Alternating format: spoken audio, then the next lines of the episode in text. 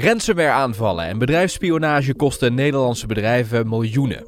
Gelukkig zijn er knappe koppen die hard werken aan het voorkomen en oplossen van deze aanvallen. Ik ben Tom Jessen en in deze podcast van AG Connect rond de security game praat ik met vooraanstaande cybersecurity experts. Zij vertellen wat de weak spots zijn van jouw organisatie. In deze aflevering Rick Goud van Ziver. Welkom Rick. Ja, dankjewel.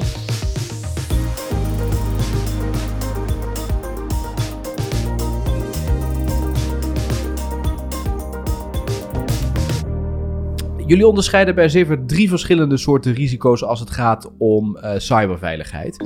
Um, kun je eens beginnen met, met de eerste? Ja, zeker. De, de meeste organisaties uh, en personen waarschijnlijk ook zelf, als ze het over security en cyber hebben, dan denken ze aan die persoon die uh, systemen probeert binnen te komen. Maar de eerste risico die wij altijd proberen te benoemen is eigenlijk de menselijke fout. En, en, en, ik denk dat het voor mensen altijd gaat leven als je en wat getallen daarbij noemt en uh, wat voorbeelden daarvan uh, gaat geven. Uh, dus als we bijvoorbeeld kijken naar het aantal datalekken dat in Nederland wordt gemeld, 24.000 afgelopen jaar, dus in 2020. Toevallig is net drie weken of vier weken geleden het rapport van de autoriteit persoonsgegevens over het onderwerp uitgekomen. Maar dan kun je zien dat van die 24.000 gemelde datalekken er meer dan 90%, eigenlijk 95% van alle datalekken die werd veroorzaakt doordat een medewerker in de organisatie een foute keuze maakte. Waarbij de nummer 1 van de meest gemelde oorzaak van datalekken is, is een verkeerd geadresseerde e-mail. Dus per ongeluk iets aan de verkeerde Tom sturen. Of uh, jou een bijlage sturen die helemaal niet de bedoeling was om naar jou toe te gaan. Dus eigenlijk die menselijke fout, die ons waarschijnlijk allemaal eens een keertje uh, voorgekomen. Uh, ja, dat is eigenlijk voor 95% van de datalekken de oorzaak waar, elke dag uh, heel veel mensen mee te maken hebben. En hetgene wat mensen waarschijnlijk niet top of mind hebben als ze over een cyberrisico nadenken. Dan chargeer ik een beetje, maar je hoort heel vaak toch van jongens, pas op, niet zomaar ergens op klikken, zeker niet als je het kent. Terwijl het dus toch nog heel vaak fout gaat. Ja, nou ja er, er, liggen een aantal uh, oorzaken aan ten grondslag. Eén is, kijk, um, onderzoek laat ook zien dat uh, gemiddeld een, een persoon, en dat was nog voor coronatijd, dus ik neem aan dat het alleen nog maar toegenomen is, maar dat een gemiddelde medewerker of werknemer iets meer dan twee uur per dag aan zijn e-mail besteedt. Uh, en dat hij gemiddeld ongeveer 130 e-mailtjes per dag afhandelt.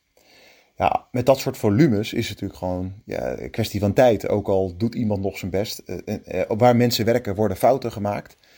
dus doordat dit nog steeds een zo'n belangrijk communicatiekanaal is, ja, is uiteindelijk natuurlijk het absolute aantal van datalekken in dit geval ook ontzettend groot. Dus dat is de ene dimensie. De andere dimensie is dat je ziet dat de basis van e-mail zoals we die met elkaar gebruiken, die stamt uit de jaren 80. En dat betekent ook dat het protocol-e-mail, waar we dan eh, technisch gebruik van maken, dat die eigenlijk ook niet de technische mogelijkheden in zich heeft om mensen te helpen bij het maken van betere keuzes of bij het voorkomen van fouten. Uh, dus het zijn eigenlijk die combinatie van twee dingen. Eén, we doen het gewoon ontzettend vaak. En, en, en twee, het heeft toch een, een basis op een hele oude technologie ja, die niet gemaakt was om dit stukje van het communiceren uh, te verbeteren. Ja, en je dus eigenlijk andere maatregelen moet nemen om dit risico te adresseren. Wat eigenlijk helemaal niks met e-mail te maken heeft. Maar je wil wel de fouten van e-mail voorkomen. En dat geeft natuurlijk een spanningsveld. Ja, dus eigenlijk zeg je ook van e-mail is, is misschien ook wel een verouderd communicatiesysteem.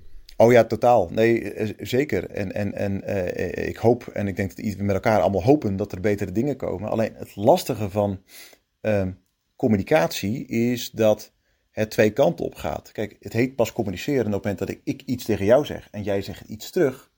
Dat is de aard van communicatie. Maar dat betekent dat communiceren automatisch um, impact heeft op de mensen ook buiten jouw organisatie. En dat betekent het vervolgens dat communiceren alleen maar kan op het moment dat er een bepaalde standaard voor is afgesproken. Want jij en ik moeten dan dezelfde taal praten, want anders kunnen we niet effectief communiceren. Dat betekent dat om communicatie uh, meer up-to-date te maken, je moet de standaarden worden aangepast aan de huidige stand van de technologie. Maar dat is gewoon ook heel erg lastig, omdat één, uh, iedereen een zegje moet kunnen doen over zo'n standaard, omdat het gelijk iedereen raakt. Dat is één. En ten tweede, je ook moet zorgen dat het een beetje technisch maar backward compatible is. Oftewel, nou ja, net als met de uh, uh, analoge televisie en digitale televisie. Ja, we hebben natuurlijk al heel lang digitale televisie. Alleen dat is een graduele schaal van langzaamaan mensen proberen over te zetten naar. Terwijl je ook nog wel de oude versie moet gaan ondersteunen. Ja, en dat zorgt ervoor dat dit soort vernieuwingsprocessen gewoon ontzettend langzaam gaan. omdat er standaardisatie niet binnen één organisatie dit kan drijven. Maar eigenlijk met al je stakeholders tegelijkertijd naar een nieuwe standaard moet die veel rijker is. En door die worsteling heen breken, ja, dat gaat het maken of breken of een organisatie de digitale transformatie goed kan inzetten door nou, creatief te zijn hoe die met die beperking standaardisatie om kan gaan. En eigenlijk wel de weg naar de nieuwe vormen van communicatie in kan slaan zelfstandig. Maar ja, zonder daarvan dus ook van al zijn communicatiepartners te verlangen dat die ook gaan wisselen. Want dat gaat natuurlijk niet gebeuren. Ja, laten we eens even teruggaan naar die drie verschillende soorten risico's hè, die, die jullie bij Ziver zien. We hadden het al over de medewerkers die uh, foute keuzes maken en daardoor een risico vormen voor een organisatie. Een tweede punt dat jij uh, aanstipt als risico is uh, of mensen er onderweg bij kunnen. Wat bedoel je daarmee, onderweg erbij kunnen? Ja, het, het klinkt natuurlijk allemaal heel logisch voor elkaar dat als ik iets stuur van, van mijzelf naar jou, laat ik er even je e-mail erbij pakken, dat dat gewoon aankomt Alleen dat, dat is helemaal niet zo gewoon. In zoverre, het is niet zo gewoon dat het ook veilig gebeurt. En ook daar hebben we eigenlijk weer te maken met dat stukje standaardisatie waar ik het over had. Dus die e-mail stamt uit de jaren tachtig. Uh, en toen bestond uh, iets als versleuteling nog niet. Want ja, er waren niet zoveel mensen die e-mail gebruikten. En uh, ze zijn niet begonnen met wat tegenwoordig vanuit de AVG of de GDPR verplicht is. Privacy by default en security by default. Ja, dat is pas iets van de laatste jaren. Maar dat zorgt ervoor dat e-mail langzaamaan wel geprobeerd is veiliger te maken, maar dat elke keer een soort bandenplak is geweest door een laagje toe te voegen aan, uh, aan bestaande e-mail. En dat heeft ertoe geleid dat, dat e-mail qua veiligheid enerzijds een opportunistisch karakter heeft. En dat betekent, nou, als je wilt, dan probeer ik het wel veilig te doen. Maar ja, ik vind eh, e-mail afleveren belangrijker dan dat het veilig is. Dus als de ontvanger om een of andere reden zegt dat hij niet veilig kan communiceren, dan stuur ik het toch gewoon onveilig. Dus dat betekent eigenlijk dat je bij een groot gedeelte van die e-mails van tevoren eigenlijk helemaal geen zekerheid hebt over of dat wel versleuteld wordt verstuurd. Terwijl dat natuurlijk wel is wat de meeste mensen zouden willen. Um, maar ja, dat kun je dus eigenlijk op een hele moeilijke manier kun je dat uh, afdwingen. Omdat het gevolg anders is dat een groot gedeelte van de berichten helemaal niet aankomen. Ja, je hebt daar natuurlijk dan een uitdaging. Dus enerzijds heeft dat met het onderweg te maken, met het transport. Maar het tweede gedeelte wat met dit risico te maken heeft, is dat heel veel organisaties natuurlijk ook tegenwoordig overstappen naar de cloud. En dat is dan eh, met Office 365 of dat is met Google. Eh, oplossingen die allemaal ontzettend veel toegevoegde waarde kunnen hebben voor een organisatie. Maar wat heel veel partijen zich niet beseffen, is dat die leveranciers wel bij je data kunnen. Uh, uiteraard versleutelen ze, uh, want nou ja, het zou raar zijn als ze dat niet doen. Alleen ze hebben op dezelfde plek ook je sleutel staan. En dat zorgt ervoor dat uh, een leverancier dus een risico is geworden uh, waar je in ieder geval bewust van moet zijn, maar die het liefst wil mitigeren. Want als een leverancier ook je sleutels heeft, dan betekent dat dat ze gevoelig zijn voor zogenaamde insider threats. ik weet niet of we twee jaar geleden allemaal nog eh, de, de Twitter-hack ons herinneren, waarin een medewerker van Twitter nou ja, iemand gewoon toegang had gegeven tot hele gevoelige accounts van onder andere Barack Obama, et cetera. Nou, dat kon omdat die medewerker intern bij die sleutels kon, waarmee die toegang tot die accounts kon geven. Dat is één. Het tweede is aantrekkelijk voor hackers. Hè? Als er één plek is waarvan je weet, hey, in de cloud is er een plek waar en sleutels en data staat, dan ga je met elkaar natuurlijk als hacker daarop richten. Dan heb je de meeste impact kun je maken. Uh, dus je bent aantrekkelijk voor hackers. En het derde is de gevoeligheid voor overheidsverzoeken. Uh, zeker sinds de, de, de, de Schrems 2-ruling, zoals dat zo heet. Een rechtszaak die is aangespannen vorig jaar, waarin eigenlijk het Europese Hof heeft vastgesteld dat de verdragen met Amerika eigenlijk niet zo goed zouden zijn als ze zouden willen. Ja, roept de Europese Commissie ook op van jongens, maar als je met leveranciers wil werken van buiten Europa, dan moet je eigenlijk gewoon zorgen dat jij je eigen data versleutelt op een manier dat jij je eigen sleutels hebt, maar niet je leverancier. Maar je anders kunnen buitenlandse mogendheden kunnen daar met bepaalde wet en regelgevingen gewoon bij, zonder dat je daar wat aan kan doen. Dus dat zijn eigenlijk die risico's van onderweg, dat mensen eigenlijk uh, uh, denken dat het veiliger is dan dat het daadwerkelijk is. Omdat we gewoon met oude standaarden, oude protocollen en met uh, transatlantische wetgeving te maken hebben. ja, en je dat risico eigenlijk ook zou moeten willen mitigeren om er te zeker te weten dat er onderweg niemand bij kan en je leverancier er niet bij kan. En daarmee dus derden ook niet. Ja, maar dat is ook een stukje risico, zoals jij het zo voor schetst, wat, wat buiten je eigen invloedssferen ligt. Ja, nou ja, eh, eh, eh, nou standaard wel, zou ik zeggen. Maar je, je kan natuurlijk in je selectie van leverancieren, en uh, dit, deze uh, podcast, moet geen reclame worden, maar wij, er zijn leveranciers zoals wij die ervoor kunnen zorgen dat alleen jij je sleutels hebt. want dan maakt het feitelijk niet uit waar je data staat, omdat een, de data zodanig versleuteld is dat stel dat die toch in handen van onbevoegden zou komen, je op dit moment 800 jaar per bestandje zou moeten rekenen om dat ene bestandje te ontsleutelen. Um, dus ja, het ligt wel bij die invloedssfeer, maar ja, het, het, is wel iets waar je aanvullende maatregelen op zou kunnen nemen. En Gartner, het, uh, wereldwijde onderzoeksinstituut, noemt dat een supplement.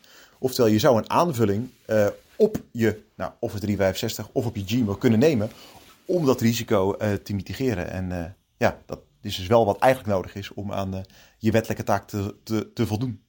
Ja, dan toch nog eventjes naar uh, die twee giganten die je uh, noemde, Microsoft onder andere. Um, uh, zij zijn vast toch ook wel op het idee gekomen om ervoor te zorgen dat die sleutels of op een andere plek gezet worden, of alleen maar door degene gebruikt kunnen worden die het toebehoort. Want da daar is hen toch ook veel aan gelegen gezien, imago-technische zaken en dergelijke. Ja, nee, zeker hoor. En, en um, uiteraard komen ze ook op dat idee. Alleen als je al jouw systemen hebt gebouwd rondom het principe dat jij jouw dienstverlening alleen maar kan leveren als jij toegang hebt tot je data, is het eigenlijk bijna weer opnieuw beginnen op het moment dat jij jouw diensten moet gaan opbouwen als je geen toegang meer wil hebben tot je eh, data. Iets bijvoorbeeld iets simpels als zoeken. Dat klinkt voor ons allemaal heel erg logisch dat je in je e-mailbox kan zoeken. Alleen dat kan Microsoft alleen maar mogelijk maken doordat ze bij je data kunnen. Op het moment dat jij zoeken wil mogelijk maken in encrypte data, heb je er heel andere technologieën voor nodig. Er is maar één voorbeeld. En misschien ander exemplaar is om dat punt te ondersteunen dat het heel erg moeilijk is om dat te doen, is dat ik denk dat het nu inmiddels anderhalf jaar geleden is geweest. Toen heeft de Facebook aangekondigd: hé, uh, hey, wij gaan op onze Facebook Messenger dezelfde end-to-end encryptie toepassen als uh, bij WhatsApp. Um, maar dat kost ons nog zeker drie tot vijf jaar. Terwijl WhatsApp is van Facebook. Ze hebben de broncode. Alleen op het moment dat jij al een heel groot stuk dienstverlening hebt rondom het principe dat jij bij data moet kunnen. En je moet, terwijl de winkel open is, de boel gaan zitten verbouwen zodat het niet kan. Ja, dat, dat is een heel andere manier van technologie. Waar als je begonnen had met die privacy en security by default, het logisch is. Maar als je het later moet gaan toevoegen, ja, het gewoon andere ja, competenties enerzijds vraagt. Maar anderzijds ook ja, dat je gewoon een groot gedeelte van je proposities moet opbouwen. Waarvan je denkt dat het niks te maken heeft met die verssleuteling. Maar dat het gebaseerd is op het toegang kunnen krijgen tot data van klanten. Ja, terwijl dat is wat je het liefst niet wil hebben. Laten we nog eens even verder kijken naar het rijtje met de drie verschillende soorten risico's. Uh, medewerkers die de fout in gaan, zaken die onderweg kunnen gebeuren, hebben we gehad. Ander punt komt uit het rapport van de Autoriteit Persoonsgegevens dat jij eerder al aanhaalde, namelijk de multifactor authenticatie, maar dan niet bij mij als verzender, maar bij degene die ontvangt. Hoe zit dat? Ja, multifactor authenticatie is natuurlijk uh, hopelijk bij de meeste mensen uh, inmiddels bekend. Ehm, ik zeg altijd, ja, als je bij je bank een transactie moet doen, moet je een extra token, code invullen om te bewijzen dat jij jij bent. Bij het ziekenhuisportaal inloggen moet je ook met DigiD bijvoorbeeld aantonen dat jij jij bent. En zelfs als je WhatsApp, ik haal het net al aan, maar als je dat op een nieuw apparaat installeert, moet jij ook aantonen dat jij jij bent. Alleen, nee, dus dat rapport waar jij het inderdaad aan refereerde, waar ik het eerder over had van die autoriteit persoonsgegevens, die pakken elke keer een thema en nou, in dit geval is uh, het thema wat de autoriteit persoonsgegevens benoemt, is multifactor authenticatie. Omdat dat um, een heel groot aantal cyberrisico's en oorzaken van datalekken had kunnen voorkomen. Alleen het interessante van communicatie is dat ook in de AVG staat dat jij als degene bent die de data deelt, dat jij dat passend moet beveiligen met passende encryptie en passende authenticatie. Maar dat betekent, hè, laten we bijvoorbeeld een, een, een arts als voorbeeld nemen. Als jij als arts een gevoelig medisch dossier wil delen met een patiënt, heb jij de verantwoordelijkheid om te zorgen dat die informatie zodanig beveiligd is dat alleen maar de beoogd ontvanger, in dit geval de patiënt, er ook echt bij kan als enige. En dat klinkt heel logisch, maar dat betekent, kijk, als ik een e-mail nou naar jou stuur, heb ik geen enkele manier om zeker te weten dat alleen jij erbij kan, terwijl die verantwoordelijkheid wel bij mij berust. En daarom dus, hè, en er zijn ook normen voor, daar hebben inmiddels gemeenten ook mee te maken. De NTA 7516 heet die norm dan, een officiële norm. En die zegt ook, ja, maar jij hebt als verzender de verantwoordelijkheid om te zorgen dat de ontvanger er alleen maar bij kan met twee-factor authenticatie, omdat de beveiligingsplicht bij jou als verzender ligt. Ja, dat geeft wel een grote uitdaging, want dat, dat past eigenlijk gewoon niet op het standaard concept van, uh, van e-mail en van de communicatieoplossingen die de meeste organisaties uh, in place hebben. Terwijl dat dus wel uh, nodig is en ook dus als speerpunten is benoemd door de autoriteit persoonsgegevens voor komend jaar. En waar organisaties dus echt mee aan de gang moeten. En zeker ook gemeentes daar, ik denk twee maanden geleden door de, door de VNG, op zijn opgeroepen om multifactor authenticatie voor komend jaar centraal te stellen en overal geïmplementeerd te hebben. Nou ja, daar staat nog de kinderstoelen. Exact. Hoe, hoe zie jij dan die toekomst op dat gebied voor je? We kennen bijvoorbeeld deze authenticatie op het moment dat we bijvoorbeeld in, in mijn overheid iets willen opzoeken. Hè? Dan moet je jezelf ook verifiëren. Zou iets dergelijks ook in een e-mailprogramma geïntegreerd moeten gaan worden? Ja, ja, en dat, ja eh, eh, het, het, antwoord is dat zoiets zal moeten. Kijk, en uiteindelijk is het natuurlijk aan, aan de markt, tussen haakjes, om op basis van innovaties ervoor te zorgen dat die authenticatie wel gebeurt. Maar dat dat zo gebruiksvriendelijk mogelijk is. Zodat je natuurlijk niet voor elk bericht uh, uh, allerlei, allerlei handelingen moet gaan doen. Hè. En daar zit de balans. Hoe zorg je ervoor dat dat zo gebruiksvriendelijk mogelijk is? Want veiligheid en gebruiksvriendelijkheid moeten gewoon hand in hand gaan. Want als je ene laat prevaleren boven het andere, ja, dan schiet je jezelf in, in de voet, zou ik maar even zeggen. Uh, maar ja, dat, dat is wel de enige manier dat jij dus ervoor zorgt dat in e-mailprogramma's uh, of voordat je toegang krijgt tot e-mails, ja, dat mensen op een of andere manier zich zullen moeten gaan authenticeren. Uh, ja, en daar zie je dus wel oplossingen voor ontstaan. En wij hebben ook zo'n oplossing. Maar ja, de markt gaat dat steeds verder afdwingen. Terwijl dat staat dus haaks op dat oude protocol waar we eigenlijk mee begonnen waren. Omdat dat gewoon niet voorzien is in het SMTP-protocol waar e-mail op gebaseerd is. Wat dat betreft, zijn er eigenlijk al bedrijven die op die manier werken, die inderdaad al uh, de ontvanger uh, zich laten authenticeren eh, voordat een e-mail gelezen kan worden? Ja, ja nou in ieder geval bij al onze klanten is, het, is, dit, is dit de standaard, omdat ook vanuit een, dus vanuit een, norm al moet. En eigenlijk hè, vanuit de NEN 7510, de standaard voor, voor gegevensbescherming in de zorg, eigenlijk al moest er ook al aanwijzingen staan van de autoriteit persoonsgegevens van een aantal jaar dat dat uh, moest. Uh, dus ja, je ziet ook gewoon steeds meer oplossingen die dat centraal stellen. En bijvoorbeeld Google, zelf heeft daar uh, drie jaar geleden ook al mee geëxperimenteerd met zo'n met zo'n methode. Dat jij als verzender eigenlijk kan zeggen, hey, maar in dit geval ehm, Rick die moet zichzelf gaan authenticeren door aan te tonen dat hij over dit mobiele nummer beschikt.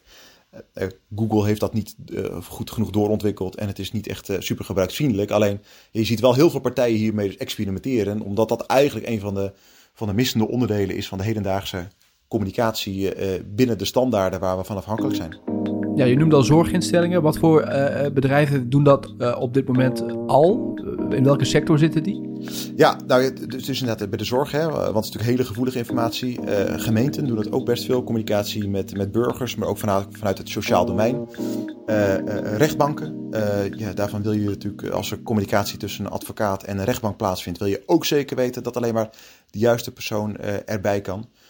Veel verzekeraars, bijvoorbeeld de helft van de verzekeraars in Nederland gebruikt onze oplossing om communicatie over gevoelige polissen, over medische aandoeningen, over eh, gevoelige financiële situaties, om dat eh, extra passend te beveiligen. Eh, en je ziet dat ook nou ja, er, er, steeds meer financiële instellingen als accountants hier ook mee beginnen omdat je natuurlijk ook van een jaarrekening van een bedrijf eigenlijk zeker wil weten dat alleen maar de, de, de directeur, de CEO of de CFO erbij kan. En niet de andere onbevoegden die iets met die gevoelige data kunnen. Dus je ziet eigenlijk zo'n olievlekwerking over allerlei sectoren inkomen. Ook omdat hoe meer gemeengoed het natuurlijk is, hoe makkelijker het ook is om het zelf in te zetten. Omdat uh, ja, je niet de eerste bent die een nieuwe soort technologie hebt. Nee, je ziet dat anderen het ook doen. En je ziet dat het goed wordt geadopteerd. En op die manier nou ja, is die olievlekwerking wel erg sterk. Ja, hebben jullie ook wel zicht op, hè, want het is natuurlijk tussen, tussen hackers en, en mensen die security uh, oplossingen bieden zoals jullie, is natuurlijk altijd een kat- en muisspel. Hebben jullie al zicht op waar de uh, gaten zitten in, in dit systeem en waar je dus nu al preventief op in kunt spelen? Nou, eh, dus ja, en, en in zoverre, kijk, wij hebben voor onszelf het risico op dit moment weten te mitigeren tot uh, wij maken uh, gebruik van datacenters binnen de Europese economische ruimte op ISO 27001, SOC 2 compliant, allemaal technische service, oftewel de hoogste beveiligingsgraad, waarbij wij volledig de infrastructuur beheren. Ons risico is eigenlijk op dit moment beperkt tot als iemand zou weten op welke datacenters wij zouden draaien, zichzelf fysieke toegang zou kunnen geven tot die datacenters, zou weten in die duizenden servers die daar staan op welke servers wij op dat moment draaien en daar software op zou kunnen installeren, ja, dan zit daar voor ons een risico. Uh, dat is een risico waar we natuurlijk continu aan het kijken hoe je dat ook nog kan mitigeren. Alleen het lastige is van elke stap dat je verder gaat in nog verder beveiligen. En nogmaals, dit is al een, een, minimalistisch risico, wat eigenlijk alleen maar theoretisch van aard is.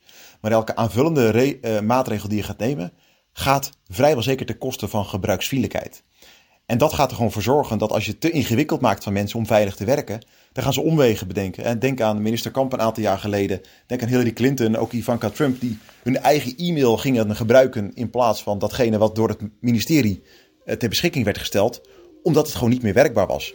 En die balans is altijd belang, belangrijk om centraal te stellen. Uh, het ene kan niet boven het andere gaan, want dan schiet je jezelf in het voet. En, die balans uh, zal met de stand en het toenemen van de technologie verder stijgen. Maar ja, je kan niet alles helemaal veilig dichttimmeren, want dan wordt het onwerkbaar. Oké. Rick, uh, dank voor, dit, uh, voor deze update eigenlijk van uh, wat er gebeurt op dit gebied. En ook dank voor, voor het schetsen van in ieder geval de, de ontwikkelingen die de komende tijd op veel bedrijven af zullen komen. Rick Goud was dat van Ziffer in deze podcast van de Security Game. Dank voor je medewerking en graag tot de volgende keer. Graag gedaan.